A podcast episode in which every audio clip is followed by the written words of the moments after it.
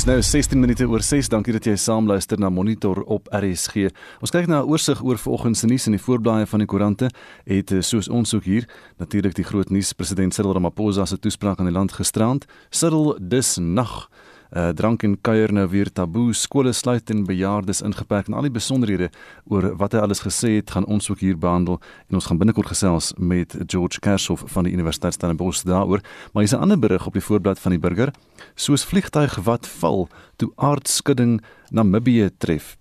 En dis nou 'n interessante gebeurtenis daar 'n boer van die suide van Namibië het gisteroggend vervaard uit sy bed gevlieg sê hy om te kyk watter Boeing vliegtyg nou op sy plaas gaan val. Hansie Marits is toe eintlik deur 'n aardskudding wat 4,1 gemeet het uit sy bed geskit. So omstreeks 5 minute voor 6 die oggend naby Daviknap, so 23 km vanaf die grens met Suid-Afrika. En hulle sê dan die skudding was so swaar dat inwoners van Uppington 200 km verder suid dit ook gevoel het. Dis dan die aardskudding, aardskuddende nuus uit Namibië vanmôre. Die voorblad van Beeld ook die storie oor die oues weer ingeperk in die skole wat sluit. Hier is 'n ander berig wat interessant is op die voorblad van Beeld en dit sê dierearts red verkleurmannetjie en kroos met 'n noodkeisersnee die hoogswanger ma se lewe asook die van haar 32 ongebore telge het afgehang van presies hoe seker Dr. Jean Davidson op 'n baie klein pensie kon sny. Daardie eiers moes al gelê gewees het, maar die flapnek verkleur mannetjie wyfie het teen trapsiekies tempo haar kosbare kleintjies veilig in haar bly hou en hulle sê dit gebeur wanneer hulle nie 'n lêplek kan kry nie of wanneer daar spanning is, dan hou hulle die eiers binne en hy moes nou die noodkeisersnee doen anders was hierdie ma se lewe in gevaar. Die digitale voorblad van Volksblad het nuus uit die Vrystaat huis in ligte laaie inwoners van Vrede vermoor en die huis uitgebrand. Dis nuus daar vanaf Vrede in die Vrystaat. 'n Voormalige veiligheidskontrakteur wat in Irak gewerk het en vir 2 jaar tuis was, is gister in die hospitaal daar aan sy wonde dood nadat hy in die nag deur boosdoeners in sy huis in die dorp aangeval is. Dis Henk Burgers, hy's 62 jaar oud gewees. Hy het met messe hom gesteek en daarna is die huis toe nou aan die brand gesteek in die berig op die voorblad van Volksblad vanmôre. Business Day berig natuurlik ook oor die um, inperking wat president Cyril Ramaphosa aangekondig het vir al die alkohol um, kant daarvan want dit gaan oor die alkoholbedryf wat dan nou gaan sukkel uh, verder as gevolg hiervan vir die volgende 2 weke.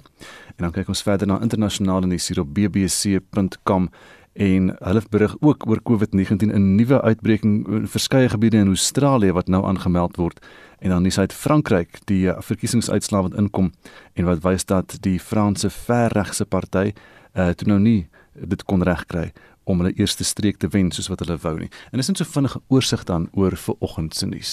Nie moeilik om te raai waaroor ons luisteraars vra gaan vanoggend nie. President Cyril Ramaphosa het gisteraand aangekondig dat Suid-Afrika teruggeskuif gaan word na aangepaste vlak 4 inperking vir minstens 14 dae. Ons sal nou op 11 Julie hoor wat hulle verder gaan doen. Ons wil weet vanoggend wat dink jy van die strenger maatreëls? Dink jy dit gaan 'n wesenlike verskil maak? Stuur vir ons 'n SMS na 45 0891 dit kos R1.50 of gesels saam op Monitor en Spectrum se Facebookblad of WhatsApp vir ons 'n stemnota na 076 536 6961 076 536 6961. Nou ons gaan binnekort hier op monitor gesels met die ekonom George Kershoff van Stellenbosch oor hierdie nuwe um, inperkingsmaatreëls op die aangevlak aangepaste vlak 4 en veral dan in die kwessie van restaurante en alkohol en so aan. Maar intussen ander nuus hier teen 20 minute oor 6 die polisie ondersoek 'n saak van die oortreding van die rampbestuurswet teen die organiseerders van die EFF optog verlede Vrydag in Pretoria. 'n Geskatte 2000 EFF ondersteuners het na die kantoor van die Suid-Afrikaanse Gesondheidsprodukte Reguleerder opgeruk om te eis dat Russiese en Chinese enstof goedgekeur word vir gebruik in Suid-Afrika. Hier is Lila Magnus met meer. 'n See van rooi het verlede week tot by die kantoor van die Suid-Afrikaanse Reguleerder vir Gesondheidsprodukte aangespoel in oortreding van die COVID-19 regulasies wat bepaal dat slegs 100 mense in die buitelug kan byeenkom. Die polisie woordvoerder Brenda Moridili sê 'n saak is teen die organiseerders van die optog by die Sunnyside polisiekantoor in Pretoria geopen. At this stage, there hasn't been any charges that have been. Uh, the main charge now is the contra- contravention of the Disaster Management Act, but there's also a possibility of more charges that are being introduced. For now, there is an investigation on the part of the investigators to ensure that they present to court a watertight case. Sy sê die polisie het aanvanklik vir 100 betogers voorberei, maar toe die massas opdaag, moes hulle strategies optree. You looking at the police asking the conveners of the march to disperse and them peacefully doing so. We are also looking at the possibility that should we ask them to do that and they become violent, how are we going to handle the situation? We did not want to find ourselves in a situation where the police will have to use force on people that were resisting or not complying with an instruction. Die optog het plaasgevind teen die agtergrond van die Delta variant van die koronavirus wat die hoë infeksiesyfer in Gauteng dryf. Die variant is hoogs aansteeklik. Die leier van die EFF, Julius Malema, het ten sterkste ontken dat die optog 'n sogenaamde superverspreider van die koronavirus was. Die waarnemende minister van gesondheid, Mamaloko Kubai Ngubane, het leiers van politieke partye egter gesmeek om nie COVID-19 regulasies te oortree of hul volgelinge aan te moedig om dit te doen nie.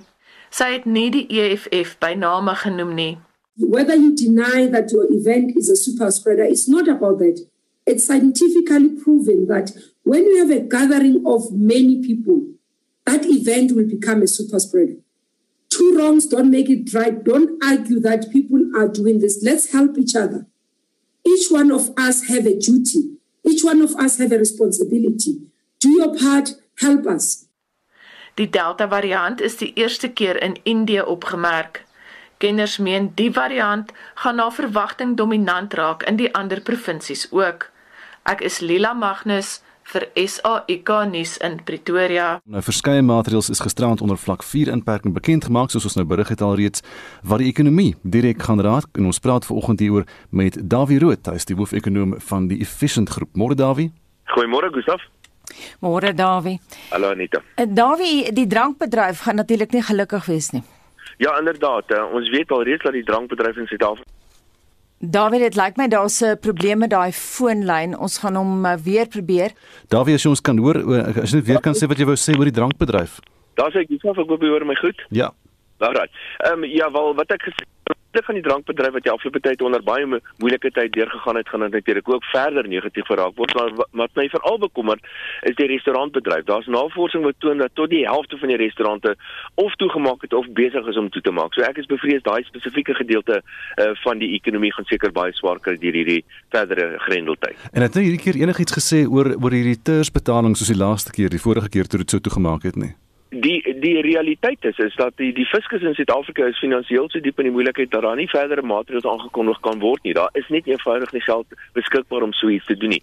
En miskien moet mense net daarop let, Gustaf, jy weet, ons het nou die afgelope bykans 2 jaar Wel, die jare en 'n half het ons nou deur hierdie baie moeilike tyd gegaan, maar die Suid-Afrikaanse ekonomie was al reeds vir vir 'n klompie jare voor dit baie baie diep in die moeilikheid gewees. Op op 'n per capita basis het ons die afgelope 6 jaar elke jaar armer en armer geword. So so ek dink die president se aankondigings wat hy gemaak het, eh, die ek kry die Nee, dit het nie gewerk nie. Ons het 'n probleem met hierdie telefoonlyn en ons gaan kyk of ons hom weer in die hande kan kry, maar daar's een of ander kwessie met die foonlyne vir môre waarmee ons sukkel, maar ons gaan probeer om verder met hom te gesels en kyk of ons vir Dawie Rood aan die hande kan kry. Intussen bly ingeskakel. Ons praat nie net oor die koronavirus vanoggend nie. Ons praat ook oor um, president Ashraf Ghani van Afghanistan wat Vrydag met Joe Biden in Washington vergader het.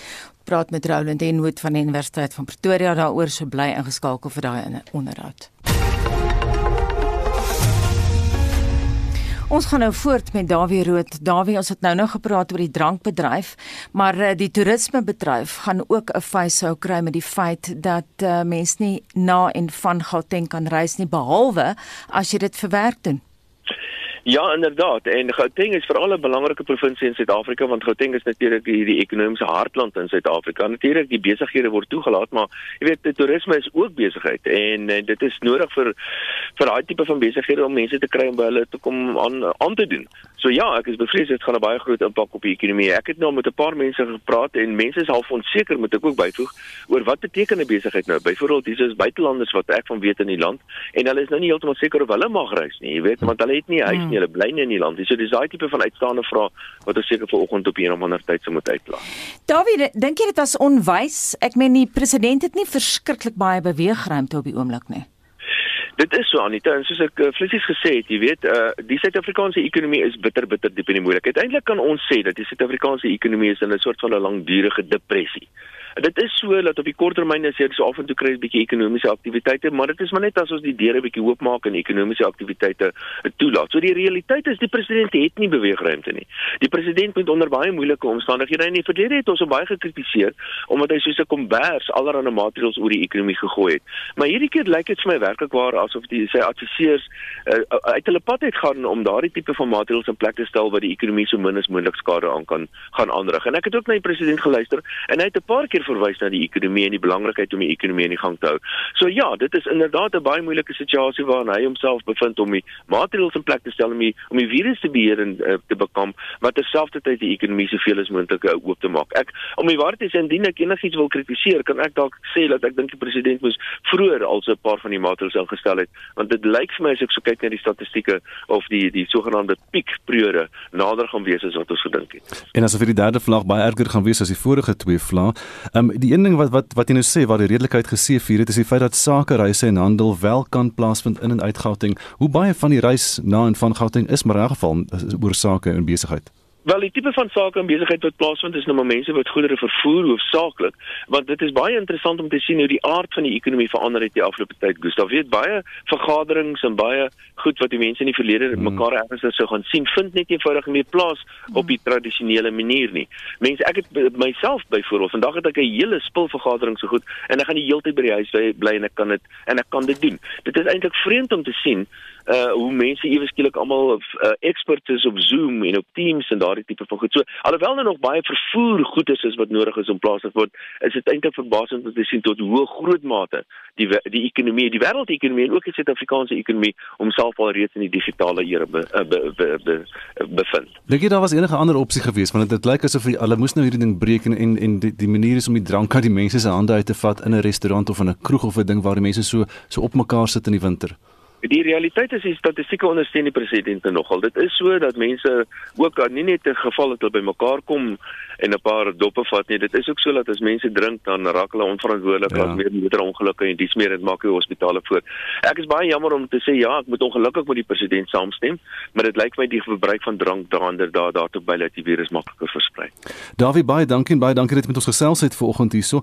Ehm um, en dat ons foon op die ou en toe nou wel gewerk het. Davie Rood is die hoofekonoom van die Efficient Groep.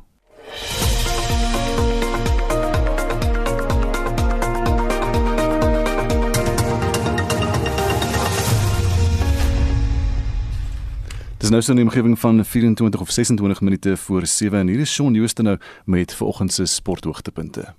Kom ons kyk na 'n opsomming van die naweek se sportgebeure. Op die cricketveld het die Proteas die Windies gisterand in die tweede wedstryd van hulle T20 reeks met 16 lopies geklop om die reeks 1-1 gelyk op te maak. Suid-Afrika het 166 vir 7 op die tellbord geplaas met die kaptein Themba Bavuma as 46 die hoogste telling. Die snelbouler Kagiso Rabada het 3 vir 37 plat getrek en die speler van die wedstryd George Linde 2 vir 19. Die derde wedstryd vind môre aand plaas. Engeland het skoonskip in hulle tuiste 20 reeks teen Sri Lanka gemaak toe hulle die derde en laaste wedstryd Saterdag met 89 lopies gewen het. Rugby. In die Karibeeke reeks het Griekwa Saterdag 31-10 met die Cheetahs en die Bulle Vrydag aan 32-27 met die Pumas afgereken. Die Britse en Ierse leeu's het 28-10 in hulle opwarmingswedstryd in Skotland teen Japan geseëvier. Die kaptein Alan Jones gaan egter die leeustoer na Suid-Afrika misloop nadat hy 'n skouerbesering opgedoen het. Die Ierse skrimskakel Connor Murray neem die leiersels oor. Die tellings in die agste ronde van die Suid-Afrikaanse vroue premier divisie was OP 15, WP 41, Grens 38, HJ 10 en Bulle 0 Boland 21. Sokker. Die Soweto klub Kaizer Chiefs het hulle eerste Afrika Kampioenligga eindstryd bereik na hulle doellose uitslag teen Wydad van Marokko. Hulle het algeheel 1-0 gewen en meet op 17 Julie in die eindstryd teen Al Ahly van Egipte met die Suid-Afrikaner Pitso Mosemani as afrigter kragte. Die tellings in die kwart eindstryde by die Europese Kampioenskappe was: België 1, Portugal 0, die Tsjechiese Republiek 2, Nederland 0, Italië 2, Oostenryk 1 en Denemarke 4, Wales 0. In die Copa America toernooi in Brasilië het die gasheere 1-1 teen Ecuador gelyk opgespeel en Peru het Venezuela met 1-0 getroof. Fietsry. Die 2021 Tour de France het Saterdag begin. Matthew van der Poel van Nederland is die algehele voorloper na twee skofte met die Fransman Julien Alaphilippe 8 sekondes agter hom en Tadej Pogačar van Slovenië 'n verdere 5 sekondes terug in die derde plek. Suid-Afrika se Louis Mentjes is 36ste, Stefan de Bot 47ste en Nick Lamini 136ste. Vandag se derde skof is byna 183 km lank. Motorsport. Max Verstappen van Nederland het Red Bull se tuis Grand Prix in Oostenryk met 'n dominerende vertoning gewen en 35 sekondes voor die Brit Lewis Hamilton klaargemaak. Die van Valtteri Bottas was derde in die tweede Mercedes. Verstappen rek nou sy voorsprong op die punteleer na 18 punte. Die Fransman Fabio Quartararo het eerste oor die wenstreep in gister se MotoGP wedren in Nederland gejaag om sy voorsprong na 34 punte te rek. Die Spanjaarde Maverick Viñales en Juan Mir was tweede en derde. Suid-Afrika se Brad Binder het 21ste weggespring en 12de geëindig. Sy broer Darren was sewende in die Moto3 afdeling. Op die golfbaan het die Amerikaner Harris English die titel by die PGA Tour se Travelers Kampioenskappe na 'n valbylstryd teen sy landsgenoot Kramer Hickok met 'n eindtelling van 13 noue onder die baansyfer ingepalm. Victor Hovland van Noorwe het die trofee by die internasionale ope in Duitsland gelig en die toernooi op 19 onder geëindig. Die drie Suid-Afrikaners, Justin Harding, Darren Fichart en Sean Norris was gesamentlik 5de op 13 onder. Nelly Korda van die FSA op 19 onder was die wenner van die vroue PGA Kampioenskappe in Pennsylvania. Suid-Afrika se Polaritu was gesamentlik 70ste. En Leon Pace het gesamentlik 11de by die Tsjechiese Ope op 9 onder geëindig. En laastens herinner ons graag dat die Wimbledon Tennis Kampioenskappe vandag begin. Novak Djokovic van Servië en Simona Halep van Roemenië was die wenners in 2019. Shaun Schuster, SAK Sport.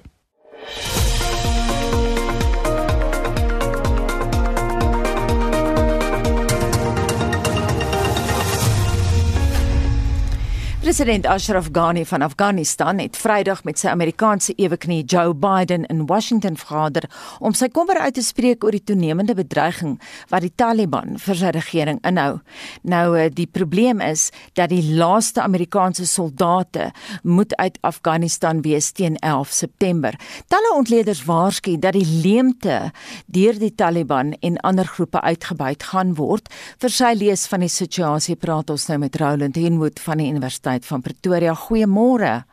Goeiemôre Anita. Roland, dink jy die FSA sal president Ghani se regering bly steun nadat die laaste troepe land uit is?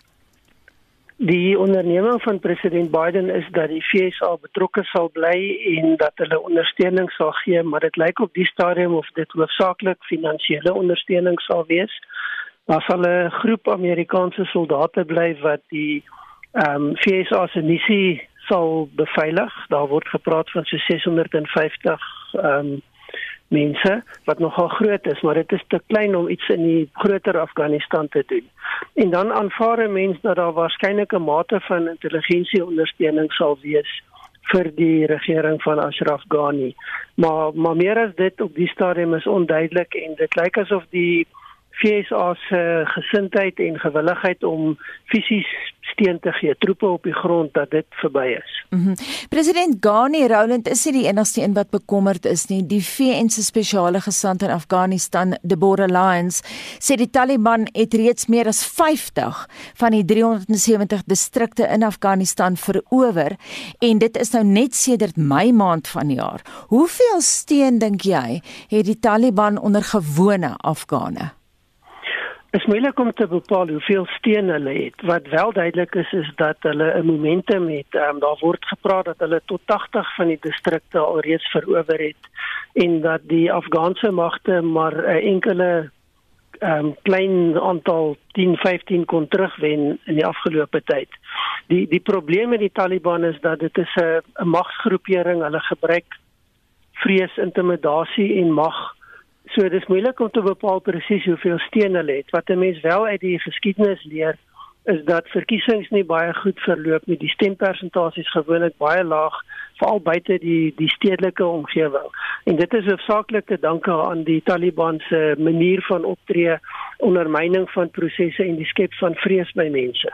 Wat is die kanse dat die Taliban Kabul kan oorneem soos wat president Ashraf Ghani vrees?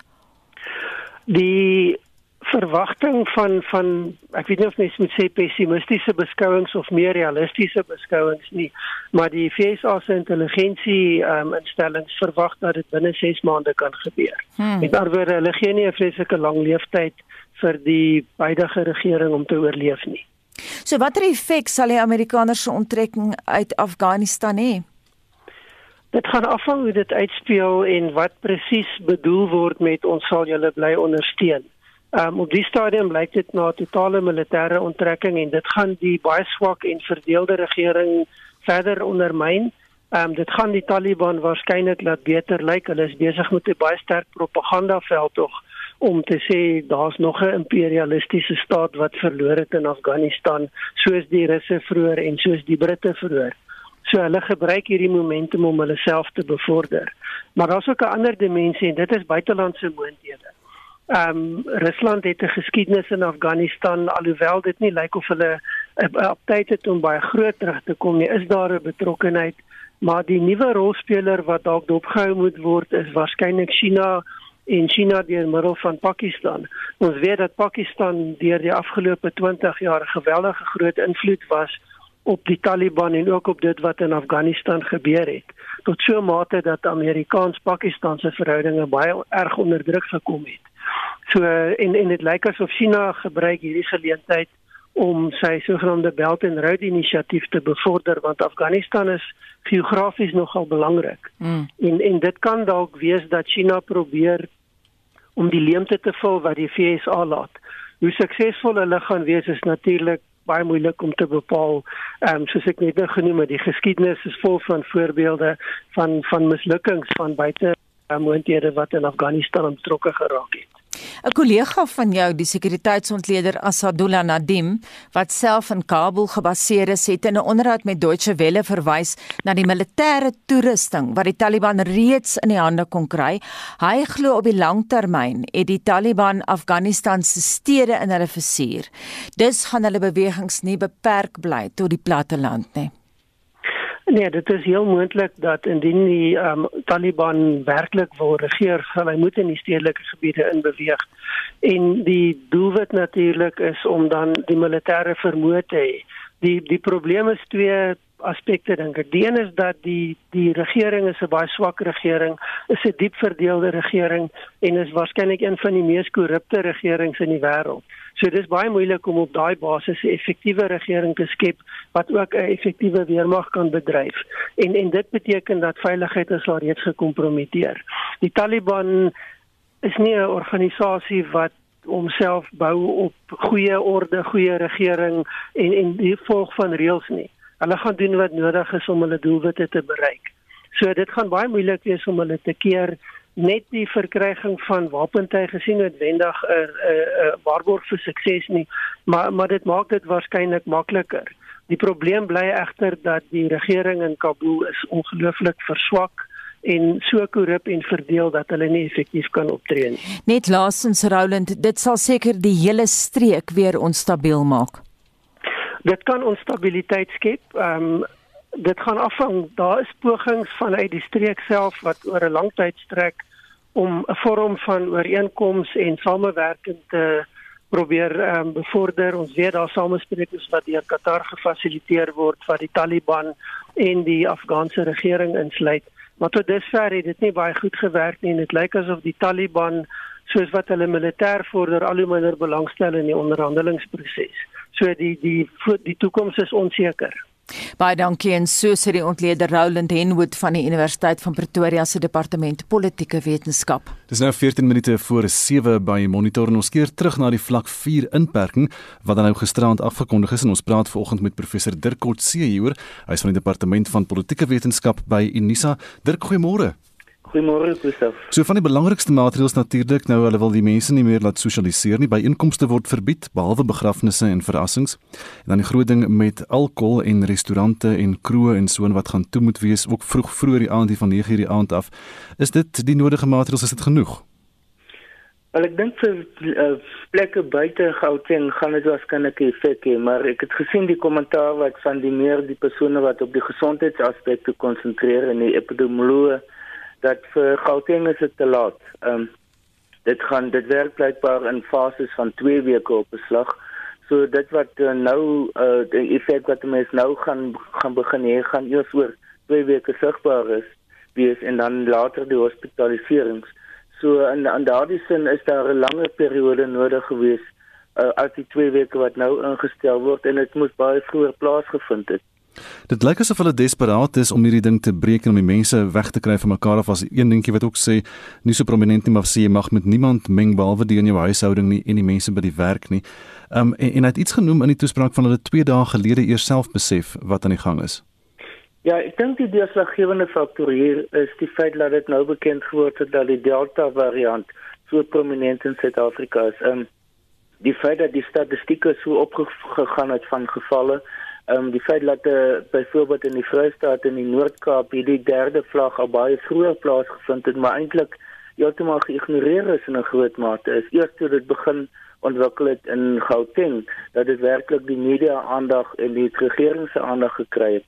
Ehm um, en maar dit selfs was lyk nie die die die deurslaggewende faktor nie. Ehm um, dit lyk asof die die Delta variant die die die werklike deurslaggewende faktor is en dit het al eers 2 dae gelede regtig bevestig. En dan anders as met die vorige inperkings, is hier nou een wat wat laas ook nog moeilikheid veroorsaak het. Die strande en die parke bly hierdie keer oop, behalwe dat mense nie by einkomste daar op die strand of in die park mag hou nie. Ja, ek, ek dink dit is 'n belangrike faktor as mense teruggaan na Desember toe was dit vir baie mense het dit 'n baie baie slegte effek op die die openbare beeld gehad van die regering. So ek dink in daardie opsig is is dit iets waarvoor hulle sensitief is. Wat opvallend is is dat die oorgrootste meerderheid van die reëlings wat nou getref word eintlik oor sosiale kontak mee te maak het. Dat dit minder nog op die ekonomie het behalwe soos jy genoem het die restaurante, die alkohol of en wynbedryf. Ehm um, en dan in en dan groepeer dan uh byvoorbeeld die kunste, dis alles waar waar daar kontak is, waar daar uh, gehore sal wees of waar daar mense is wat bymekaar gaan kom. Natuurlik sport ook waar daar dan nie dit nie moontlik gaan wees dat enigiemand dit kan bywoon nie. En selfs dat gesê politieke byeenkomste, ehm um, ek sien uh, in hierdie stadium uh, daardie EFF optog in Pretoria laasweek uh, veroorsaak vir hulle nou tog tamelik moeilikheid. Ja, dit was in elk geval hopeloos te groot geweest in terme van die bestaande reëlings van toe.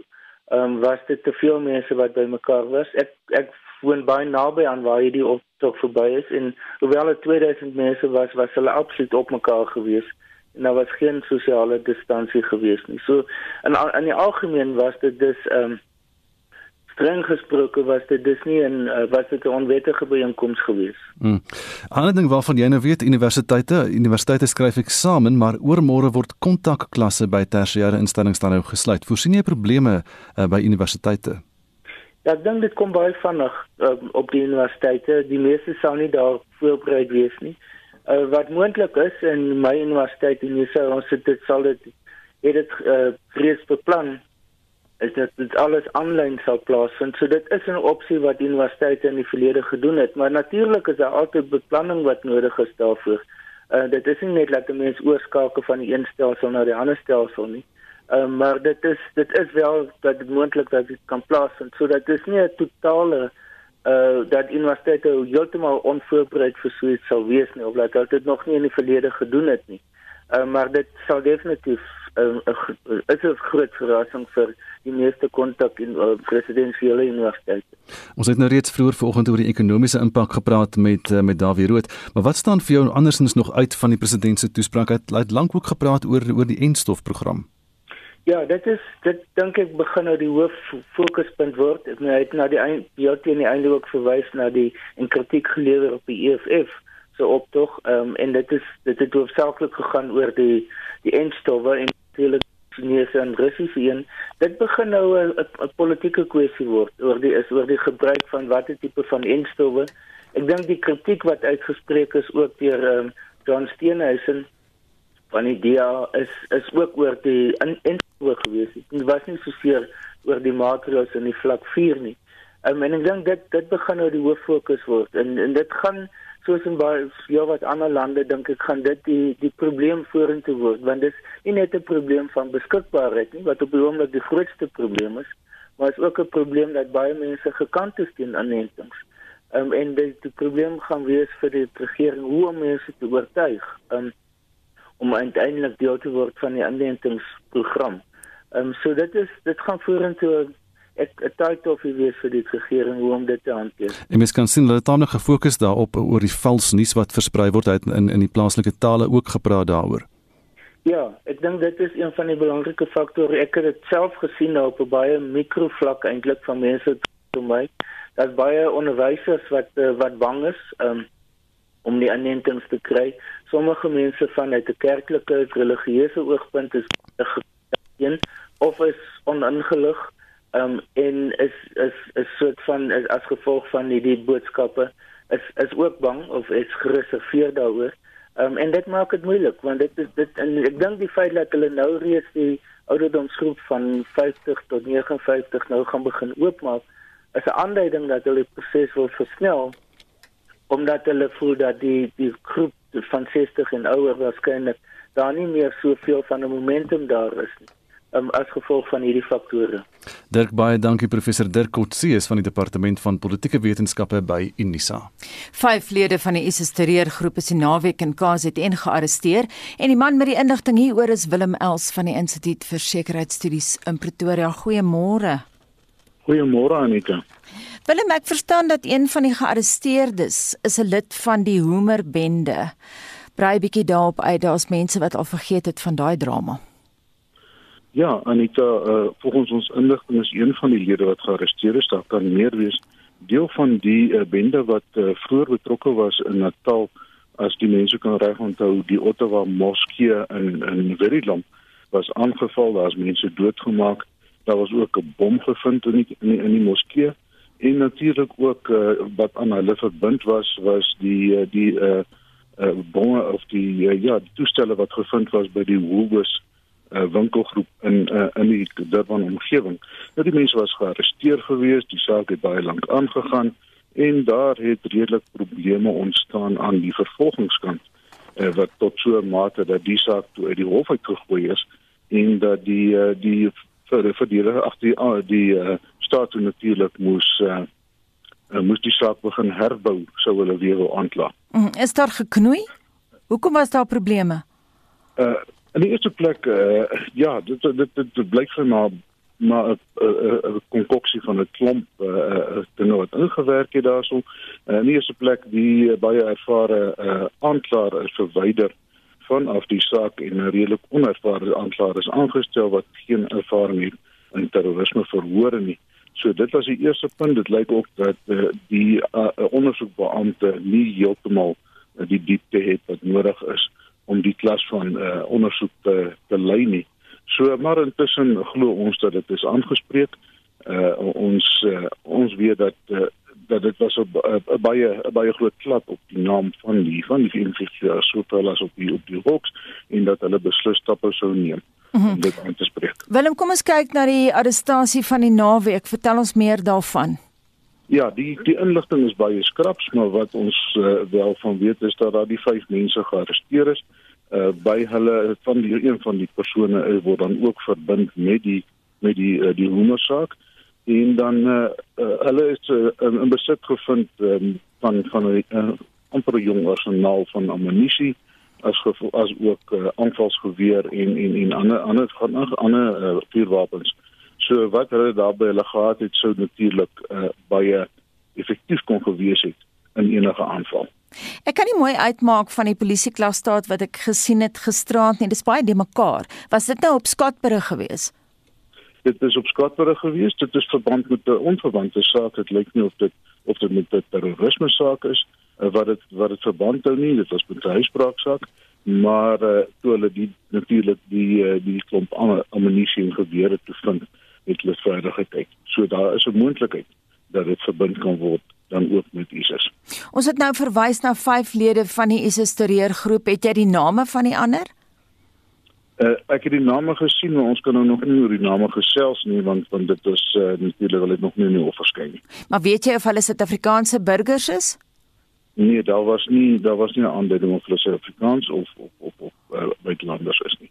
Willem, jy is nou vir die Instituut vir Sekuriteitsstudies en jy het jou voete op die grond en jy het jou ore in intelligensiekringe. Ek verstaan dat wat hierdie arrestasies betref, was daar verskeie eenhede betrokke, ook polisie intelligensie. Kan jy ons meer daarvan vertel? Ja, dit is baie belangrik eh, dat uh, in in die in die uh, die stryd teen terreur speel intelligensie 'n ongelooflike belangrike rol. Jy weet as mens uh, uh, as mens sonder intelligensie werk, is dit amper soos soos iemand wat met 'n stok loop wat nie kan sien nie.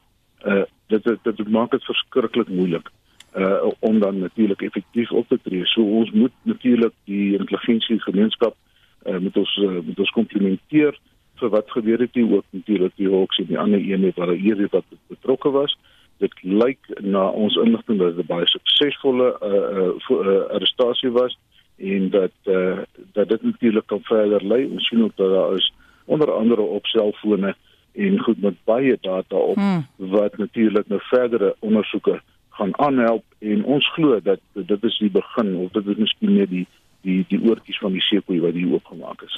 Ons weet ook dat ISIS veerkragtig is. Hoeveel van 'n terugslag gaan hierdie arrestasies op die lang termyn wees? Gaan hulle nie maar net hergroepeer nie?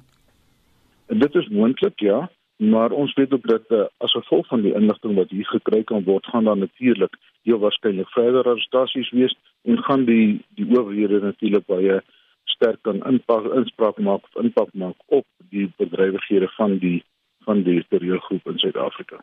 En dink jy hulle sal op enige manier terugslaan? Is dit nou?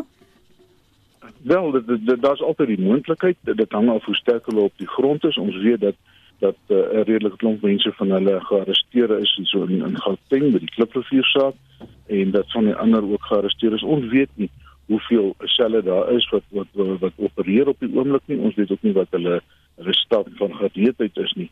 Uh, maar ons glo dat die owerheid sal natuurlik uh, hierdie gebeurlikhede in in ag neem en dat hulle sal voorsorg tref. Mens hoop dan ook dat indien hulle in die hof verskyn, die foute wat met die Hoemerbende gemaak is nie weer herhaal sal word nie, Willem. Ja, ja, dit is baie belangrik. Dit was 'n baie slegte uh, uh, uh, geval vir die uh, vir die Hawks natuurlik. Hulle is 'n baie trotse agentskap uh, wat uh, wat natuurlik sal sal seker maak dat hierdie foute nie herhaal word nie. Ons glo dat hulle sal natuurlik nou uh, al die groot kanonne in die stryd werk, hulle sal alles in die stryd werk om om hierdie saak 'n sukses te maak. Soos wat ons glo dat hulle ook met die heropbou van die moersaak sal doen. En hoe vinnig dink jy sal hulle in die hof verskyn nou, weet jy? Wel, hulle word teen vandag in die hof te verskyn, al is dit dan net om te pleit. Uh, uh en dan sal die ondersoek die, die saak seker verder uitgestel word vir verdere ondersoek. Baie dankie. En so sê Willem Els van die Instituut vir Sekuriteitsstudies. Bly ingeskakel hier op Monitor. Die groot nuus natuurlik wat ons die naweek gehoor het is dat die Delta virus in 5 van die land se provinsies is. En ons praat daaroor met Dr Angelique Kutse voorsitter van die Suid-Afrikaanse Mediese Vereniging en ook Dr Kloete van Vuren hy's 'n infeksie siekte spesialis by Driemal Hospitaal in Bloemfontein. En dit bring ons by die 7 uur nuus